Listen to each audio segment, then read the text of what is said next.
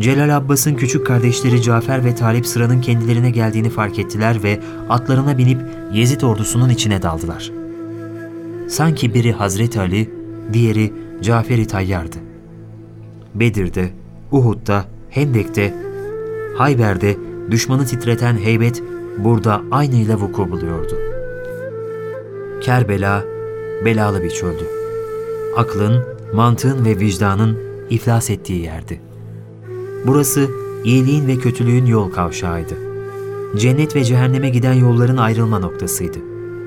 Seyyide Zeynep'in iki yavrusu Avn ve Muhammed de zırhlarını giymişler, miğferlerini başlarına geçirmişler, kılıç ve kalkanlarını alıp atlarına binmişlerdi.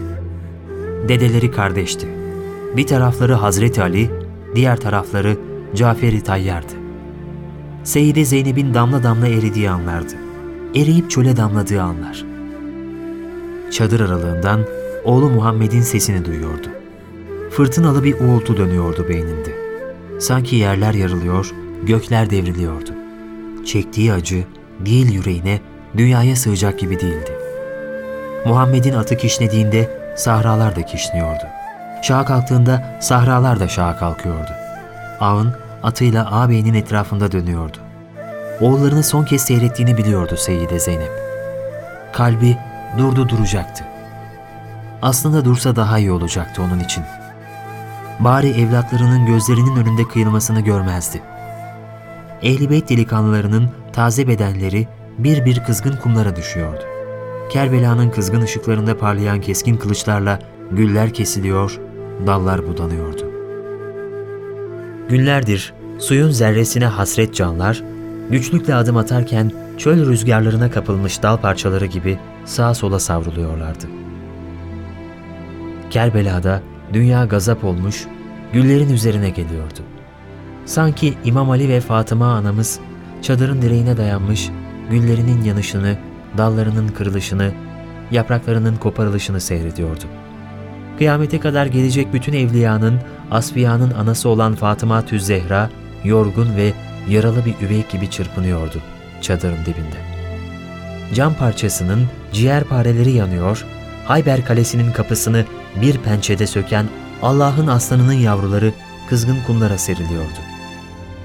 Müslümanları saran, buluşturan, kuşatan Ehli Beyt Kalesi taş taş, duvar duvar yıkılıyor, kısım kısım parçalanıyordu. Öfkeli, kan kırmızısı bir güneş göründü çölün doğu ufkundan. Mah-ı Muharrem'in ilk ışıkları daha gün görmemiş taze delikanlıların kanlı cesetleri üzerine doğuyordu. Sabahın ilk saatlerinden itibaren kumlardan alev fışkırıyor, güneş yükseldikçe çölün de bağrı cehenneme dönüyordu. Zaman durmuştu Kerbela'da. Kainat Kerbela'ya kilitlenmiş, melekler birbiri üzerine üşüşmüştü. Taze bedenlerine inen her kılıç darbesiyle acıdan kıvranan, kızgın kumlara belenen delikanlılar, İmam Hüseyin'e doğru sülünler gibi başlarını uzatarak amca, amca diye feryat ediyordu. Hazreti Hüseyin hem kahramanca savaşıyor hem de yere düşenlerin feryatlarına koşuyor, onları çadırların önüne taşıyordu. İmam Ali'nin oğulları Ebu Bekir, Abdullah, Cafer ve Osman da şehit olmuşlardı. Kerbela'nın Caferleri, Kerbela'nın Hamzaları kimi kanatsız uçuyordu sonsuz cennetlere, kimi amcaları Hamza gibi sinelerinden yedikleri sinsi bir mızrakla seriliyorlardı Sahra'nın kızgın bağrına. Susuzluk, ateş, ölüm, kol kola gezintiye çıkmışlar, dünya bir dram sahnesine dönmüştü. Arzın halifeleri batıla boyun eğmiyordu, eğmeyecekti. İmam Hasan'ın oğlu Kasım 13 yaşındaydı. Boyuna uygun bir kılıç bulunamamıştı. Silahsız, sadece cesaretiyle sürmüştü atını. Gerisini Hamid bin Müslim'den dinleyelim. Körpe delikanlılar tükenince Kerbela meydanına çocuk denecek yaşta bir genç çıktı. Yüzü sanki bir ay parçasıydı. Elinde bir kılıç vardı. Üstüne bir gömlek giymişti. Belinde bir peştemal, ayaklarında ayakkabıları vardı. Bir tanesinin üstü kesikti. Fakat hangisinin unuttum. Galiba sol ayakkabısıydı. Kimsecikler bu ay parçası çocuğa kıymaya cesaret edemiyordu. Zalim avcıların tuzağına düşmüş sürmeli bir ceylan yavrusu gibiydi. Nihayet Amr adında Küfeli bir asker başına bir kılıç vurdu. Başı yarıldı, ve yüzüstü yere düştü. Hazreti Hüseyin'e doğru bir kuğu gibi başını uzatarak ''Amca yetiş!'' diye bağırdı. İmam Hüseyin kükremiş aslan gibi koştu. Amr'ın bileğini kesti.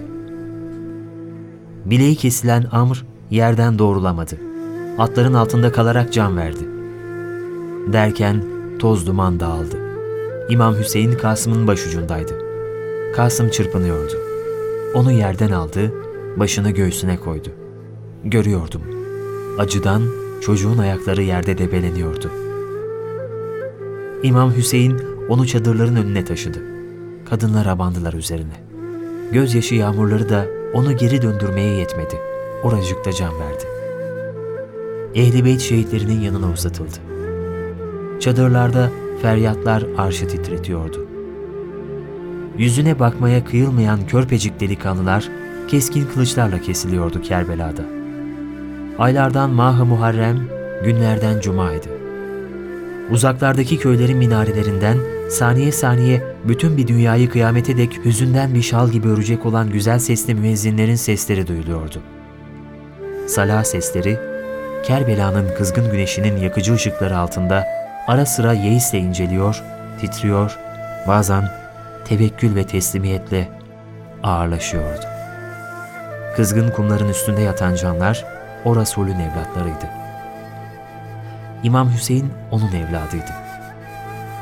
Hazreti Zeynep, salah seslerinin yükselmeye başladığı bu demlerdeki bu yürek parçalayan manzara karşısında ''Keşke gökyüzü yerin üstüne düşse.''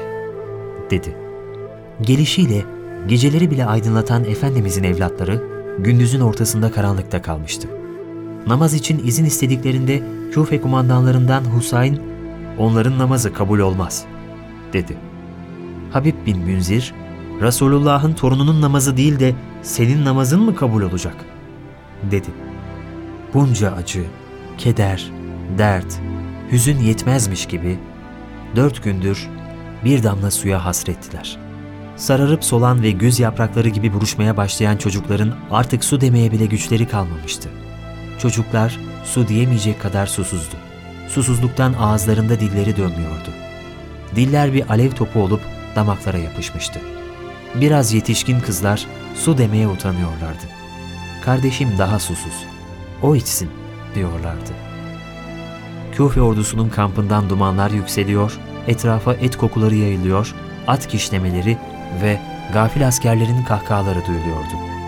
Çadırdaki kadınlar ve çocuklar o kadar susamıştı ki az ileride köpük köpük akan Fırat'ın bütün suyu onlara çevrilse Kerbela'dan daha yanık yüreklerini serinletemezdi. Çocukların iniltileri Zeynep'in kulaklarına bir rüzgar oltusu gibi doluyor, beyninde fırtınalara dönüşerek ortalığı kasıp kavuruyordu. Dudaklar susuzluktan yarılmış kanıyordu. İmam Hüseyin ölüm orucuna başlamıştı sanki. Susuzluğunu azdırmamak için fazla bir şey yemiyordu. Son birkaç gün içinde iyice zayıflamış, bakışları süzülmüş, gözlerinin çevresinde ölümcül hastalarda ortaya çıkan mor halkalar oluşmuştu. Susuzluktan kurumuş ve çatlamış dudakları, acıklı bakışları ve suskun duruşuyla hüzün veriyordu çevresine. Seyide Zeynep biliyordu ki onun yüreğini yakan acılar kendi susuzluğu ve açlığı değil, kadınların ve özellikle çocukların durumuydu. İmam Hüseyin'le baba bir kardeş olan Celal Abbas'ın durumu daha da vahimdi. O, genç yaşta sanki yaşlılar gibi beli bükülmüş, son birkaç gün içinde saçı sakalı ağarmaya başlamıştı.